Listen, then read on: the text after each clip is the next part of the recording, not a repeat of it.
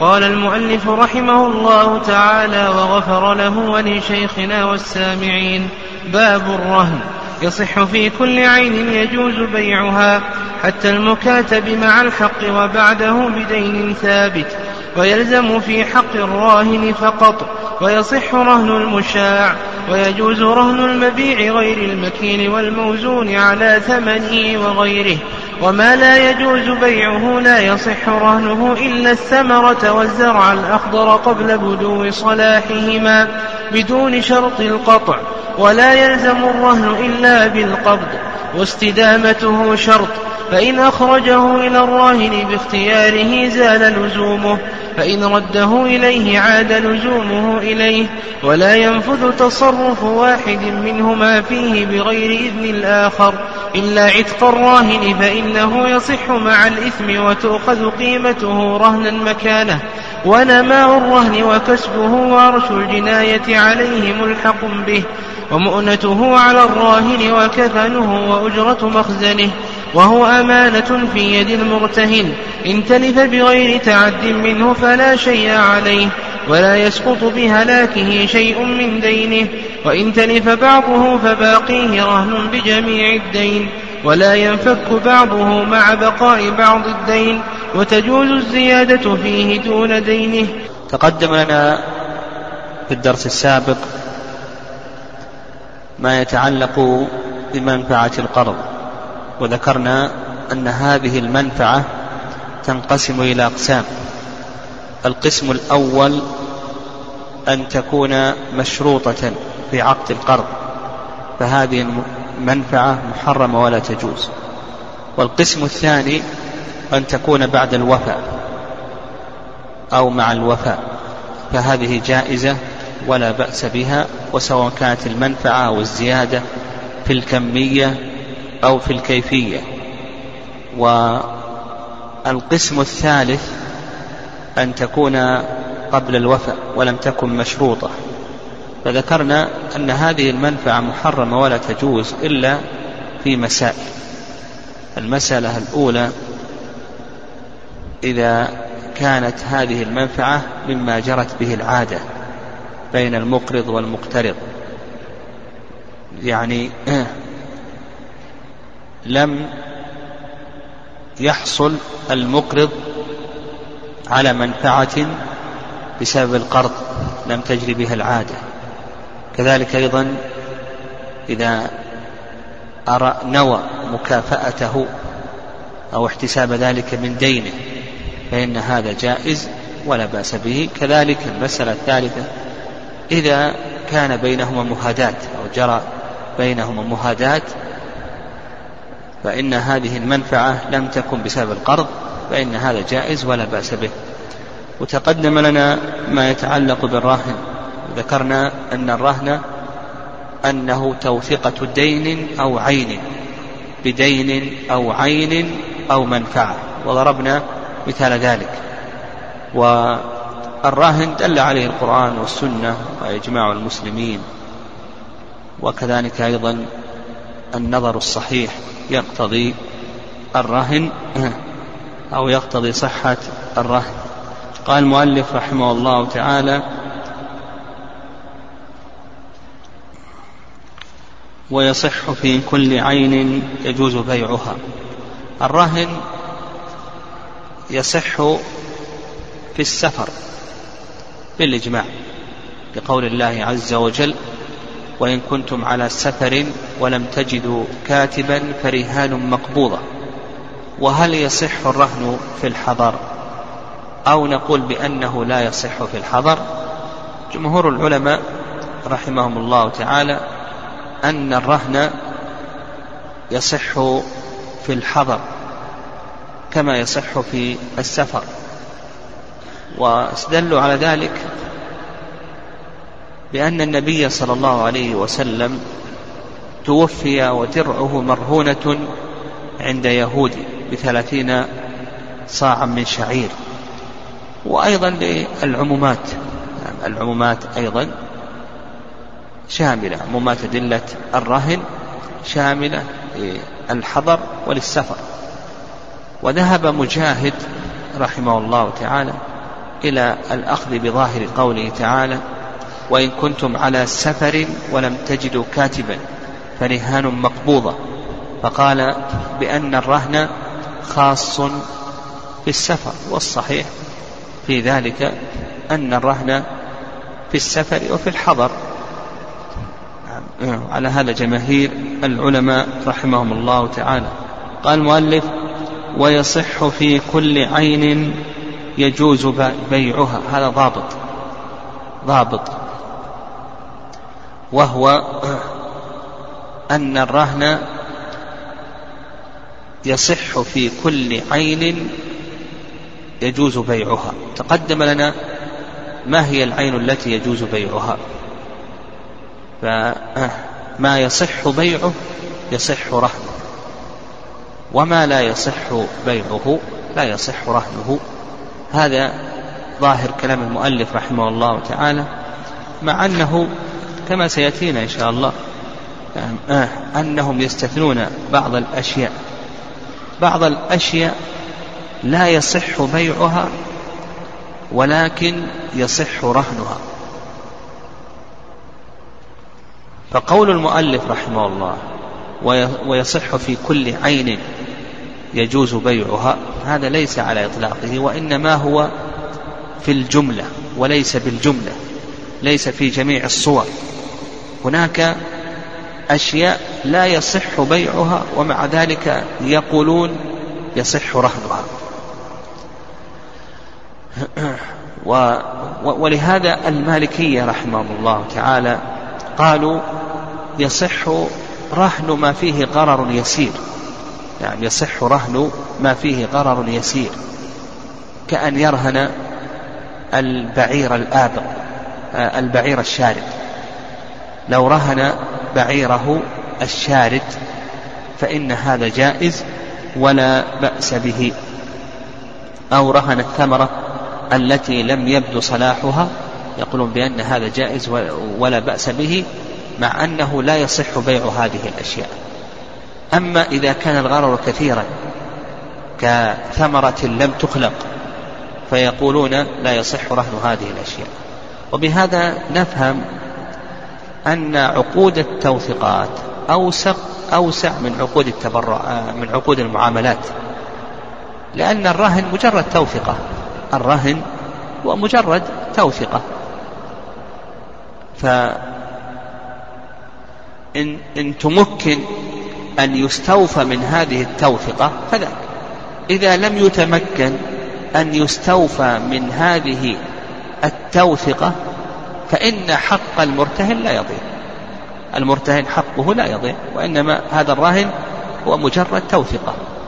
فنأخذ من هذا أن عقد التوثقة أوسع من عقد المعاملة أو من عقود المعاوضات لأن عقود المعاوضات هذه يقصد بها الكسب والربح فلا بد فيها من الضبط والتحرير.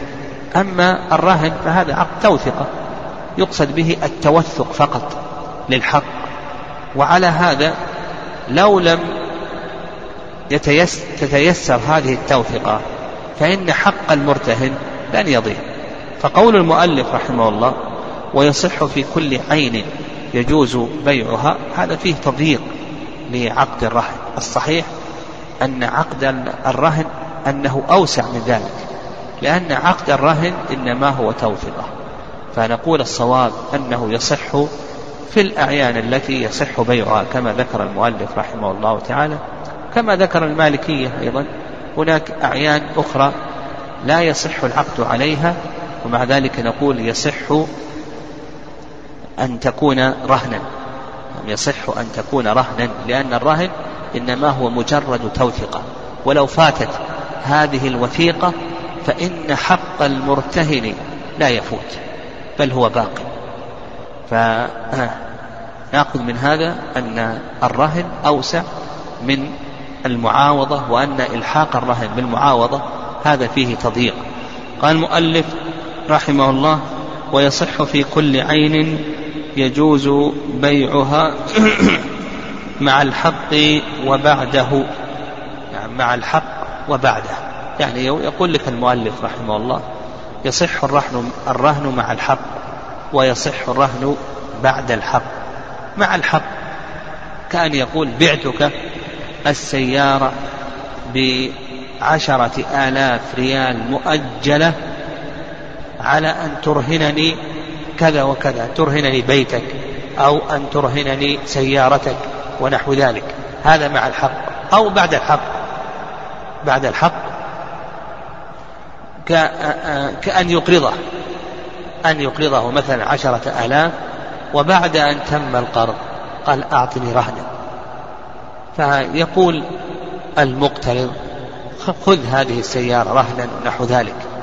فيصح مع الحق وبعد الحق.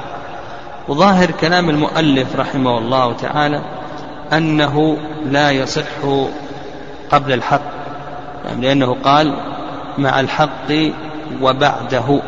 وظاهر كلامه أنه لا يصح بعد الحق قبل الحق. وهذا هو المذهب ومذهب الشافعية. والرأي الثاني رأي الحنفية والمالكية أنه يصح قبل الحق. فلو أرهنه سيارته على أن يقرضه كذا وكذا أو أن يبيعه بثمن مؤجل كذا وكذا أو أن يعيره إلى آخره سيارته فهذا لا بأس به. يعني لو تم عقد الرهن قبل الحق قبل الوجوب فإن هذا جائز. قال خذ هذه السيارة رهنا فقبلها رهنا على أن يقرضه عشرة آلاف أو على أن يبيعه بثمن مؤجل إلى آخره. فنقول بأن هذا جائز ولا بأس به. قال المؤلف رحمه الله بدين ثابت يعني يقول المؤلف رحمه الله تعالى يشترط أن يكون الرهن على دين ثابت أو يكون على دين مآله إلى الثبوت. يعني يشترط أن يكون على دين ثابت أو على دين مآله إلى الثبوت. وكما تقدم لنا يعني كما سلف لنا أن الرهن يكون للديون ويكون لأي شيء؟ للأعيان. يعني يكون للديون ويكون للأعيان. فيقول بدين ثابت. وما هو الدين الثابت؟ الدين الثابت هو الدين الذي لا يكون عرضة للسقوط. نعم لا يكون عرضة للسقوط. كالقرض. نعم القرض دين ثابت ثمن المبيع إلى آخره قيمة المتلف إلى آخره. هذه ديون ثابتة. كذلك أيضا إذا كان الدين يؤول إلى الثبوت فإن هذا لا بأس به. نعم هذا لا بأس به. مثل ثمن المبيع في مدة الخيار.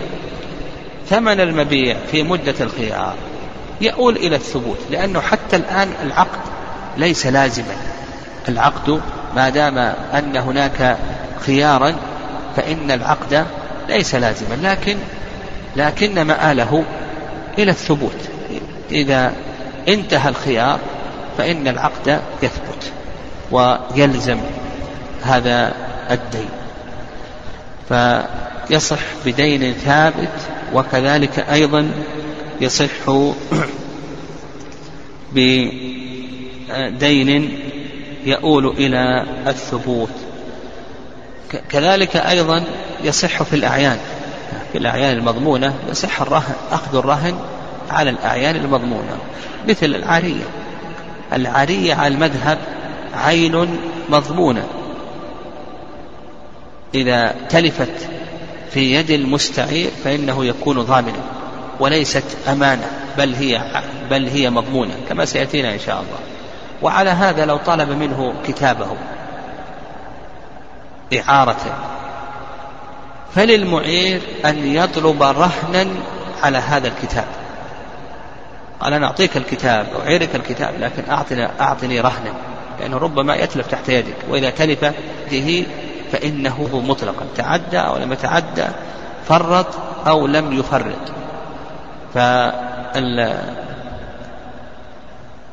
الأعيان المضمونة يصح. ومثل أيضا يعني مثل المقبوض بعقد فاسد. يعني المقبوض بعقد فاسد. على المذهب نعم على المذهب أنه أن حكمه حكم الغصب المقبوض بعقد فاسد. المشهور من المذهب أن حكمه حكم الغصب. مثال ذلك اشترى نعم اشترى السيارة بثمن مجهول. المشتري الآن قبض السيارة.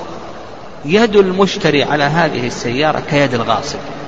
ويد الغاصب يد الغاصب ضامنة وليست ضامنة يد الغاصب ضامنة إذا تلفت العين تحت هذه اليد فإن هذه اليد ضامنة مطلقة. تعدى ولم يتعدى فرط ولم يفرط هذه اليد ليست أمانة. فيقولون المقبوض بعقد فاسد حكمه حكم ماذا؟ حكم المغصوب وعلى هذا إذا اشترى السيارة بثمن يعني إذا اشترى السيارة بثمن مجهول وقبض هذه السيارة. قلنا رد هذه السيارة. قال قد نرده قلنا أعطنا رهنا. يصح أخذ الرهن هنا على المقبوض بعقد فاسد أو لا يصح؟ نعم يصح. أخذ الرهن على المقبوض بعقد فاسد. المهم الأعيان المضمونة نعم الأعيان المضمونة هذه يصح أخذ الرهن عليها كما مثلنا ومثل أيضا المقبوض على وجه السوم إلى آخره. كتفصيل كما سيأتينا إن شاء الله في باب الضمان إلى آخره. أما الأعيان التي ليست مضمونة فإنه لا يصح أخذ الرهن عليها. يعني كالوديعة وكمال الشركة ومال المضاربة وإلى آخره والعين المستأجرة. العين التي ليست مضمونة هي كل عين قبضها الإنسان. بإذن الشارع أو بإذن المالك.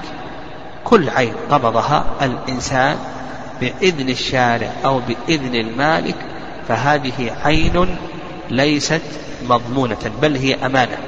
نعم أمانة لا تضمن إلا بالتعدي أو التفريط. قال المؤلف رحمه الله تعالى ويلزم في حق الراهن فقط. يعني يقول لك المؤلف رحمه الله تعالى بأن عقد الرهن عقد لازم لكنه لازم من أي شيء؟ من جهة واحدة فقط. من جهة الراهن. لأن الراهن هو الذي عليه الحق. فالعقود من حيث اللزوم تنقسم ثلاثة أقسام القسم الأول عقد لازم من الطرفين كعقد البيع. والإجارة والسلم ونحو ذلك إلى آخره. والصحيح عقد المساقات المزارعة إلى آخره. عقد لازم من الطرفين. القسم الثاني عقد جائز من الطرفين كعقد المضاربة عقد الشركة كذلك أيضا عقد الوكالة إلى آخره. هذه عقود جائزة من الطرفين. لكل واحد منهما أن يفسح القسم الثالث عقد لازم من أحد الطرفين كعقد الرهن. عقد الرهن هذا لازم من جهة الراهن لكنه جائز من جهة المرتهن لأن المرتهن له حق الوثيقة. حق الوثيقة هذه للمرتهن والمرتهن له أن يسقط هذا الحق. يعني المرتهن له أن يسقط هذا الحق. وأما بالنسبة للراهن فإن عقد الرهن نقول بأنه حق لازم من جهته لأن الحق الحق عليه. قال المؤلف رحمه الله ويصح رهن المشاع. والمؤلف رحمه الله سبق أن قال يصح الرهن في كل عين يجوز بيعه ويدخل في ذلك المشاع لأن المشاع يصح بيعه لكن المؤلف رحمه الله تعالى نص على هذه المسألة دفعا لخلاف الحنفية. فإن الحنفية يخالفون جمهور أهل العلم ولا يرون صحة رهن المشاع. نعم الحنفية لا يرون صحة رهن المشاع. خلافا لجمهور العلماء رحمهم الله والصحيح في ذلك ما ذهب إليه جمهور العلماء رحمهم الله. لأن المشاع يجوز بيعه وإذا كان كذلك فمن باب أولى أنه يجوز رهنه لأن كما سبق أن الرهن أوسع من البيع الرهن أوسع من البيع. لكن المؤلف رحمه الله كما سلف نص على هذه المسألة نعم لأن الحنفية يخالفون في المشاع والحنفية يعني يتميزون الحنفية في فيما يتعلق بالمشاع. المشاع الحنفية يفردونه بأحكام خاصة. يعني بأحكام خاصة. من هذه الأحكام ما هنا ما ذكره المؤلف رحمه الله. تجد أن أن المشاع عندهم يعني المشترك له أحكام خاصة فيما يتعلق بالوقف فيما يتعلق بالوصية فيما يتعلق بالبيع فيما يتعلق بالرهن إلى آخره. يعني يفردون المشاع بأحكام خاصة. خلافا لجمهور لجمهور العلماء رحمهم الله تعالى. قال المؤلف ويجوز رهن المبيع غير المكيل والموزون على ثمنه وغيره. نعم يجوز رهن ويجوز رهن المبيع غير المكيل والموزون على ثمنه وغيره. رهن المبيع على ثمنه. صورة ذلك نعم صورة ذلك. أن يشتري سيارة مثلا. أن يشتري سيارة. يشتري منه سيارة. فيقول البائع للمشتري أعطني الثمن. قال غدا الثمن. قال جل السيارة تبقى رهن. السيارة تبقى رهنا حتى تأتي بالثمن. هذا رهن المبيع على ثمنه. يعني يحبس البائع السلعة رهنا حتى يأتي المشتري بالثمن. فيقول لك المؤلف رحمه الله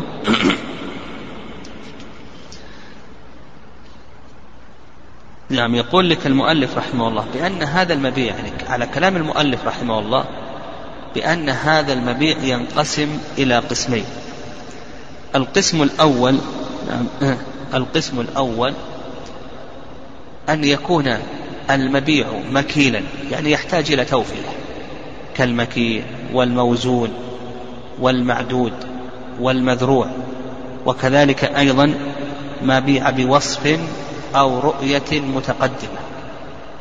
ما بيع بوصف أو رؤية متقدمة على المذهب هذه الأشياء لا يجوز رهنها على ثمنها.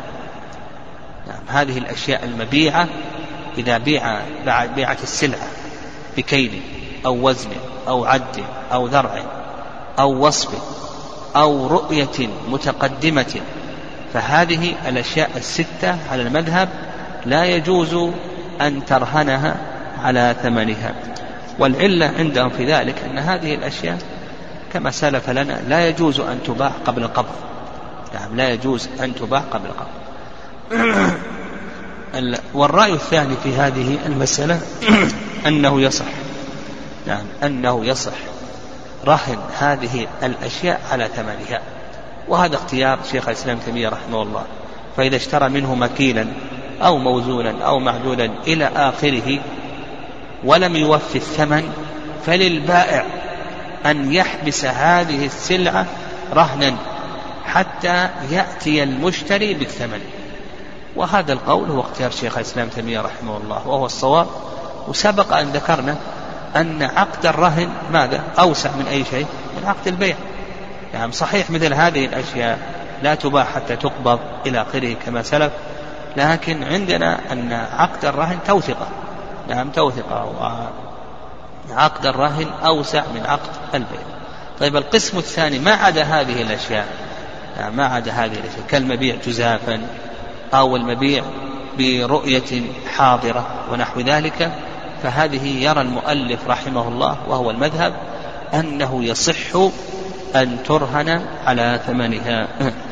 قال المؤلف رحمه الله وما لا يجوز بيعه لا يصح رهنه إلا الثمرة والزرع الأخضر قبل بدو صلاحهما بدون شرط القطع. يقول المؤلف رحمه الله ما لا يصح بيعه لا يصح رهنه. وسلف سلف لنا يعني تقدم لنا أن أن الضابط على المذهب الضابط الذي يصح رهنه ما هو الذي يصح رهنه؟ يقول الذي يصح بيعه هو الذي يصح بيعه. وهذا الضابط سلف أن هذا الضابط ليس بالجملة وإنما هو في الجملة. يعني لا لا تندرج تحته جميع الصور لكنه تستثنى منه تستثنى منه بعض الصور. قال لك إلا الثمرة والزرع لا الثمرة قبل بدو الصلاح لا يصح رهنها الزرع الأخضر قبل اشتداده نعم الثمرة قبل بدو الصلاح لا يصح بيعها ومع ذلك يصح رهنها الزرع قبل اشتداده لا يصح بيعه ومع ذلك يصح رهنه هاتان المسألتان مستثنيتان من الضابط الذي ذكره المؤلف رحمه الله تعالى. وما هي العلة؟ والعلة كما سلف وقال لك لا يصح البيع. فرق بين البيع وبين الرهن لا يصح البيع خشية العاهة. ولو فرض أن العاهة جاءت لهذه الأشياء ها؟ هل فات حق المرتهن أو لم يفت؟ لم يفت. لأن الراهن مجرد وثيقة هو فاته الوثيقة لكن الحق لا يزال باقيا في ذمة في ذمة الراهن. ف على فرض حصول العاهة فإن حق المرتهن لا يفوت وإنما فاته فقط الوثيقة. وأما حقه فإنه باق في ذمة الراهن. فمثلا لو قال أقرضني عشرة آلاف ريال. قال هذه عشرة آلاف ريال قرض. أو اشترى سيارة منه بعشرة آلاف ريال مؤجل. قال أعطني راهن قال الراهن هات ثمرة هذه. البسرة الآن أخضر. هذه رهن يصح أو لا يصح؟ يصح. نعم مع أن هذه الأشياء لا يصح بيعها. لكن استثنيت هذه قال على تقدير أن هذه الأشياء تلفت فإن حق المرتهن لم يتلف بل عشرة آلاف التي اقترضها الراهن لا تزال في ذمته يرجع عليه. قال المؤلف رحمه الله تعالى وأيضا يعني كما ذكرنا أنه فرق بين عقد الرهن وعقد البيع عقد التوتة وعقد المعاوضة. هذا مما يدل أيضا من المسائل التي يفرقون فيها الأمة مع ولدها. النبي صلى الله عليه وسلم نهى أن أن يفرق بين الوالدة وولدها وبين الأخ وأخيه. إذا كان الرقيق له أخ فإنك إما أن تبيعهما جميعا أو أن تبقيهما جميعا. الأمة مع ولدها إلى آخره. النبي صلى الله عليه وسلم نهى عن ذلك. مع ذلك يقولون يصح أن ترهن الأمة دون ولدها مع أنه ما يصح أن تباع الأمة دون ولدها لكن يصح أن ترهن الأمة دون ولدها. لماذا؟ مع أن البيع لا يجوز. لا لأنه كما سلف التعليل كما تقدم. قال المؤلف رحمه الله ولا يلزم الرهن إلا بالقبض. نعم يقول لك المؤلف رحمه الله تعالى لا يلزم الرهن إلا بالقبض. نعم. هذا هو المذهب وهو قول جمهور أهل العلم رحمهم الله تعالى. بمعنى أن الرهن لا يلزم بالعقد. الرهن لا يلزم إلا بالقبض. وعلى هذا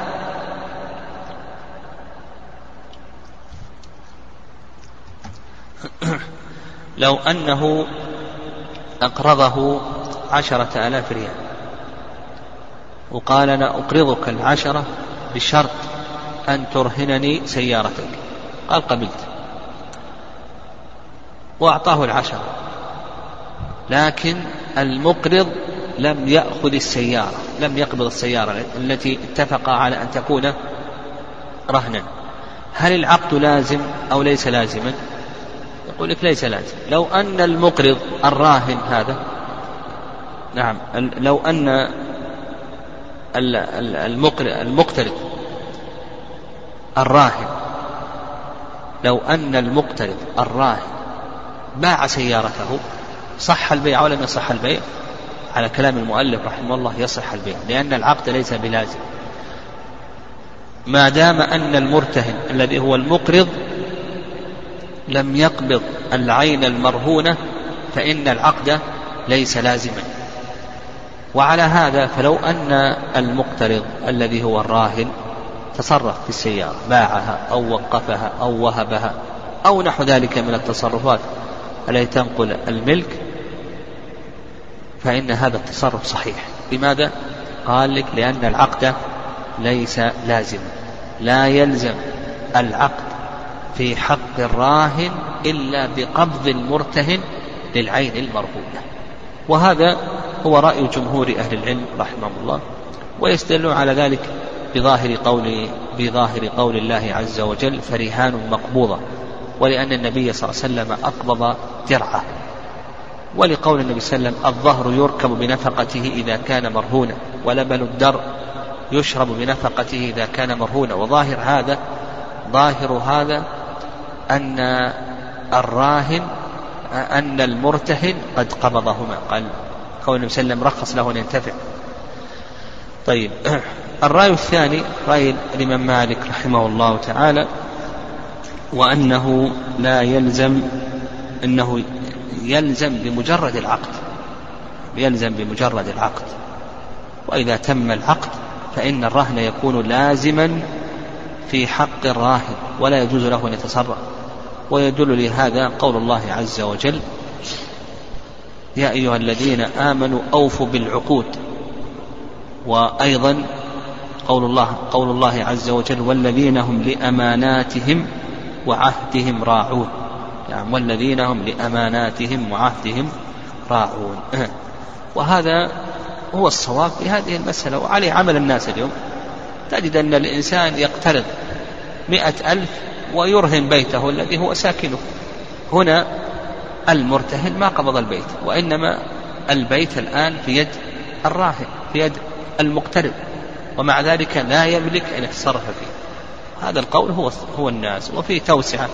للناس يعني هذا قول عليه عمل الناس وفيه توسعة لهم قال واستدامته شرط. نعم واستدامته شرط. يعني استدامة القبض شرط في اللزوم. وعلى هذا لو أن المرتهن قبض العين المرهونة ثم أخرجها إلى الراهن زال اللزوم. لو قال أقرض أقرضني عشرة آلاف ريال. قال هذه عشرة قرض قال أعطني رهنا. قال هذه السيارة رهن. فالمرتهن الآن قبض السيارة. ثم إن الراهن احتاج إلى هذه السيارة. فقال فأتى المرتهن وقال أعطني السيارة. أحتاجها الآن لمدة يوم يومين ثلاثة. زال زال لزومه إذا أخرج المرتهن العين المرهونة إلى الراهن فإن اللزوم يزول. وعلى هذا لا يعود اللزوم إلا بأي شيء بأن يقبضها المرتهن مرة أخرى. فيزول اللزوم إذا أخرجها إلى الراهن وله أن يتصرف. يعني لو تصرف صح تصرفه. قال واستدامته شرط فإن أخرجه إلى الراهن باختياره زال لزومه فإن رده إليه عاد لزومه. نعم. إذا رد الراهن العين المرهونة إلى المرتهن مرة أخرى فإن اللزوم يعود. قال ولا ينفذ تصرف. يقول المؤلف رحمه الله تعالى ولا ينفذ تصرف واحد منهما بغير إذن الآخر إلا عتق الراهن فإنه يصح مع الإثم وتؤخذ قيمته. التصرف في العين المرهونة يعني حكم التصرف في العين المرهونة. أما المرتهن المرتهن فلا يملك التصرف في العين المرهونة. يقول المرتهن لا يملك التصرف في العين المرهونة. لماذا؟ لأنه ليس مالكا وإنما له حق التوثق فقط فالمرتهن لا يملك أن يتصرف بالعين المرهونة ببيع أو وقف أو إجارة إلى آخره لأن العين في يده إنما هي أمانة وتوثقة وليس مالكا نعم وليس مالكا. وأما تصرف الراهن نعم تصرف الراهن فنقول بأن تصرف الراهن ينقسم إلى القسم الأول التصرف بما ينقل الملكية. يقول التصرف بما ينقل الملكية كالوقف والبيع والهبة ونحو ذلك. فنقول بأن هذا التصرف باطل ولا يصح بما في ذلك من إبطال حق المرتهن من الوثيقة. يعني لما في ذلك من إبطال حق المرتهن من الوثيقة. القسم الثاني التصرف في في منافع العين المرهونة. التصرف في منافع العين المرهونة. فهل يملك الراهن أن يتصرف في منافع العين المرهونة أو نقول بأنه لا يملك ذلك؟ للعلماء رحمهم الله تعالى في ذلك رأيان. الرأي الأول أن الراهن لا يملك أن يتصرف في منافع العين المرهونة. يعني إذا كان الرهن بيتا يعني إذا كان الرهن بيتا فإنه لا يملك أن يؤجر هذا البيت. وإن كان سيارة لا يملك أن يؤجر هذه السيارة إلا بإذن المرتهن. وهذا ما عليه جمهور أهل العلم رحمهم الله تعالى. والرأي الثاني نعم الرأي الثاني أن الراهن يملك أن يتصرف في العين في منافع العين المرهونة. نعم الراهن يملك أن يتصرف في منافع العين المرهونة وهذا قول الشافعية وهو الصواب. يعني لكن التصرف في منافع العين المرهونة نقول يملك الراهن بما يعود بالمصلحة على الرهن فمثلا لو أراد أن يعير العين المرهونة هل يملك ذلك أو لا يملك؟ ما يملك لأن العارية تنقص العين المرهونة لكن لو أراد أن يؤجر العين المرهونة يقول يملك ذلك ولا يملك يقول نعم يملك ذلك لأن هذا فيه مصلحة الراهن فالأجرة فيه مصلحة للراهن والمرتهن. مصلحة المرتهن أن الأجرة ستكون رهنا زيادة وثيقة. ومصلحة الراهن أن هذه المنافع لا تضيع عليه بل يسدد من هذه الأجرة. فنقول فيما يتعلق بمنافع العين المرهونة. هل يملك الراهن ولا يملك؟ نقول الصواب ما ذهب إليه الشافعية رحمهم الله أن الراهن يملك أن يتصرف في منافع العين المرهونة لكن يشترط أن يكون ذلك بما يعود على الرهن بالمصلحة كالتأجير. أما العارية أما العارية ما يملك ذلك إلا إذا أذن إلا إذا أذن مرتهن لكن فيما يتعلق ب المنافع إلى آخره. وإن لم يأذن المرتهن ما دام أن فيه مصلحة كالتأجير هنا فيه مصلحة لكل منهما. فالصواب في ذلك نعم الصواب في ذلك ما ذهب إليه الشافعي. طيب القسم الثالث من تصرفات الراهن قال المؤلف رحمه الله تعالى إلا عتق الراهن. نعم إلا عتق الراهن.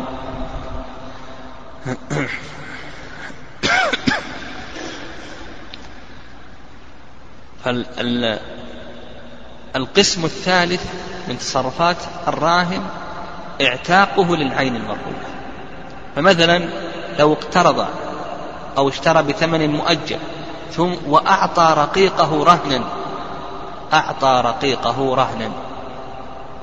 ثم بعد ذلك بعد أن رهن رقيقه ذهب وأعتقه. هل ينفذ هذا العتق أو لا ينفذ؟ يقول لك المؤلف رحمه الله تعالى إلا عتق الراهن فإنه يصح مع الإثم. نعم وهذا هو المذهب. نعم وهذا هو المذهب. والرأي الثاني رواية عن الإمام أحمد رحمه الله واختاره الشيخ الإسلام تيمية رحمه الله أنه لا ينفذ. نعم أنه لا ينفذ. هم هم يقولون لماذا يقولون ينفذ؟ يعني يقولون ينفذ آه لأن الشارع يتشوف إلى العتق. وأيضا يقولون بأن العتق مبني على السراية والتغليب. كيف السراية والتغليب؟ مبني على السراية والتغليب. السراية إذا كان يملك جزءا من هذا الرقيق ثم أعتقه فإنه يسري عليه إذا كان موسر والتغليب نعم التغليب لو قال رقيقي حر فإنه يعتق كل رقيقه. نعم يعتق كل رقيقه.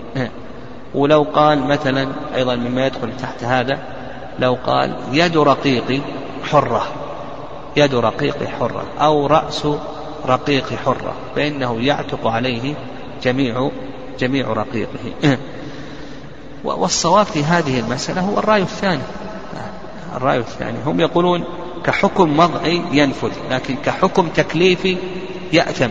والصواب في هذه المسألة أنه يحرم كحكم تكليفي ولا ينفذ كحكم وضعي لأن هذا فيه إبطال حق المرتهن من الوثيقة. قال وتؤخذ قيمته رهنا مكانا. يعني هذا على المذهب أنه ينفذ فنقول بأن العتق ينفذ ويطالب الراهن بقيمة الرهن. وقت وقت الإعتاق. كم يساوي الراهن وقت الإعتاق؟ فنجعل هذه القيمة رهنا مكان الرقيق الذي أعتق. يعني لأنها بدل عنه والصحيح في هذه المسألة كما سلف لنا أن العتق أصلا لا ينفذ قال رحمه الله وكسبه نعم قال وأرش الجناية عليه ملحق به. نعم نماء الرهن. نعم نماء الرهن. نماء الرهن سواء كان النماء متصلا أو منفصلا فإنه ملحق بالرهن. فمثلا لو أن الرهن بقرة ثم ولدت البقرة فقال الراهن أنا رهنت البقرة أعطوني الولد. ها؟ هل يملك أن يأخذ الولد أو لا يملك أن يأخذ الولد؟ قل ما يملك أن تأخذ الولد. الولد هذا تبع لأمه يكون رهنا ولو كان الراهن بيتا وأجرنا هذه البيت. فقال الراهن أنا أريد أن آخذ الأجرة. البيت يبقى رهن لكن الأجرة تكون لي. أقول لا الأجرة تكون رهنا مع البيت. يعني فنماء الرهن الغنو بالغرب. نماء الرهن يكون تبعا للرهن. قال لك وكسبه. نعم. وسواء كان أيضا متصلا أو منفصلا إلى آخره فإنه يكون تبعا له. أيضا كسبه لو كان الرهن رقيقا وهذا الرقيق اكتسب باع واشترى إلى آخره فنقول بأن كسبه يكون رهنا معه. قال وكسبه وأرش الجناية عليه. أرش الجناية عليه. الرهن سيارة. جاء شخص وضرب السيارة أو كسر الزجاجة. نطالبه بالأرش أرش الجناية على السيارة. كم أرش الجناية يقدر بألف ريال؟ نأخذ الألف وتكون ملحقة هذه الألف تكون ملحقة بالرهن تكون رهنا معه. قال وكسبه وأرش الجناية عليه ملحق به ومؤونته على الراهن. يعني ومؤونته على الراهن. مؤونة العين المرهونة العين المرهونة قد تكون حيوانا تحتاج إلى طعام وشراب قد تكون آه، سلع تحتاج إلى مخازن ونحو ذلك. فنقول بأن المؤونة تكون على من؟ على الراهن لأنه ملكه. وكما أن الكسب يكون له نعم الكسب يكون له. كذلك أيضا الغن بالغرب. كما أن غنمه يكون له فكذلك أيضا الغرب يكون عليه. ولهذا قال لك المؤلف ومؤونته على الراهن وكفنه وأجرة مخزنه. نعم كفنه لو مات أجرة مخزنه إذا كانت سلعا تحتاج إلى مخزن تحفظ فيه. فنقول بأن هذه المخزن كل هذا المخزن أو أجرة المخزن يكون هذا آه، على الراهن. قال وهو أمانة في يد المرتهن إن تلف من غير تعد منه فلا شيء عليه. إذا قبض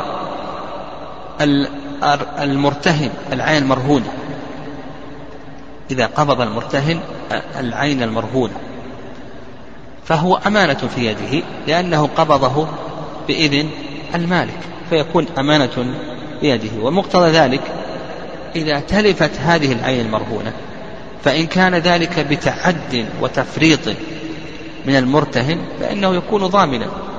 وإن كان بغير تعد ولا تفريط منه فإنه لا ضمان عليه. طيب وإذا تلفت العين المرهونة في يد المرتهن وهو لم يتعدى ولم يفرط هل ينقص ذلك شيء من دينه؟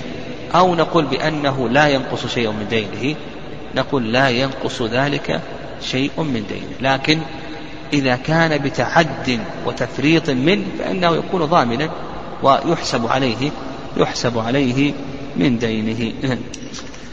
قال فلا شيء عليه. ولا يسقط بهلاكه شيء من دينه. يعني إذا هلك إذا هلكت العين المرهونة مثل لو فرضنا أن العين المرهونة بقرة ثم ماتت هذه البقرة بغير تعد ولا تفريط من المرتهن. فنقول بأن هلاك هذه العين المرهونة أو سيارة احترقت مثلا أو كتاب آه، أتلفته الرياح والأمطار نحو ذلك فنقول تلف العين المرهونة ما دام أن المرتهن إذا كان تحت يده لم يتعدى ولم يفرط نقول بأنه لا يسقط بتلفه شيء من الدين من الحق الواجب في ذمة الراهن. قال وإن تلف بعضه فبقيه رهن بجميع الدين. إن تلف بعضه الضمير يعود إلى الرهن فبقيه رهن بجميع الدين. لأن الدين متعلق بجميع أجزاء الرهن نعم لأن الدين متعلق بجميع أجزاء الرهن فلو فرضنا أن الرهن أن الرهن مئة صاع من البر تلفت منه خمسون يبقى خمسون رهن بجميع الدين. ما نقول لما تلف تلفت الخمسون الأولى ينفك نصف الدين. يعني لو فرضنا أن عندنا مئة صاع من البر. مئة صاع من البر. بعشرة آلاف. تلف منها خمسون صاعا. هل نقول ينفك نصف الدين أو نقول بأنه لا ينفك؟ نقول لا ينفك. لأن الدين متعلق بجميع أجزاء الرهن. الدين متعلق بجميع أجزاء الرهن. ولا ينفك شيء من الرهن ما دام أنه بقي شيء من الدين. لو بقي ريال واحد من الدين لا ينفك شيء من الرهن فلو فرضنا أن الرهن بيت مليون وسدد كل ما عليه إلا مئة ريال. نقول يبقى هذا البيت رهنا في هذه المئة. لا ينفك أي شيء منه لأنه متعلق بجميعه. نعم. قال المؤلف نعم قال المؤلف رحمه الله تعالى ولا ينفك بعضه مع مع بقاء بعض الدين. لما تقدم أن الدين كله متعلق بجميع أجزاء الرهن فلو أن الراهن سدد الدين كله ما بقي إلا مئة ريال. وقال أعطني الآن معك رهن عشر سيارات أعطني تسع سيارات وقال سيارة واحدة تقابل هذه المئة. نعم.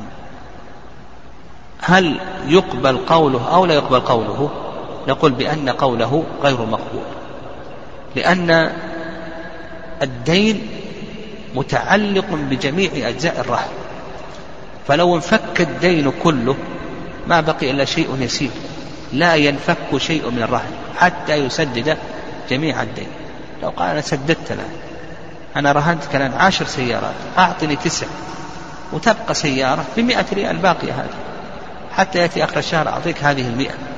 نقول للمرتهن أن يمتنع. نعم للمرتهن أن يمتنع. قال وتجوز الزيادة فيه دون دينه. يعني الزيادة. يعني هل تجوز الزيادة في الرهن؟ نعم تجوز لأن هذه زيادة توثقة. نعم زيادة توثقة فمثلا لو أقرضه مئة ألف وأعطاه رهنا سيارة بعشرة آلاف ثم قال المرتهن للراهن السيارة ما تكفي أعطني سيارة أخرى. فلا بأس. إذا زاد في الرهن هذا لا بأس لأنه زيادة توثقة لكن هل تجوز الزيادة في الدين؟ أو لا تجوز الزيادة في الدين؟ فمثلا الرهن مليون. الرهن بيت بمليون ريال والدين بعشرة آلاف. قال الراهن قال الراهن أنا أعطيتك الآن بيتا بمليون وقت عشرة أعطني عشرة تدخل مع آه، تكون تحت الرهن البيت الذي بمليون. هل يجوز ذلك أو لا يجوز؟ ها؟ يقول لك المؤلف لا يجوز. يعني لماذا؟ قالوا لأن الرهن اشتغل بهذه العشرة. العشرة الأخرى لا بد لها من رهن جديد. يقول الرهن الآن اشتغل بهذه العشرة والمشغول لا يشغل. فلا بد من أي شيء؟ ها؟ لا بد من رهن جديد. و نعم لكن إذا رضي نعم إذا رضي ذلك نعم إذا رضي المرتهن فالصواب أنه جائز ولا بأس به. إذا رضي المرتهن أن يزيد الراهن في الدين نعم أن يزيد الراهن في الدين ويكون الرهن الأول رهنا في الدينين جميعا نعم رهنا في الدينين جميعا فإن هذا جائز ولا بأس به. وبه قال الإمام مالك وكذلك أيضا الشافعي واختاره شيخ الإسلام تيمية رحمه الله. الصحيح ما ذهب إليه مالك والشافعي اختاره شيخ الإسلام أنه إذا رضي أن هذا جائز ولا بأس به. نقف على هذا. سبحانك اللهم ربنا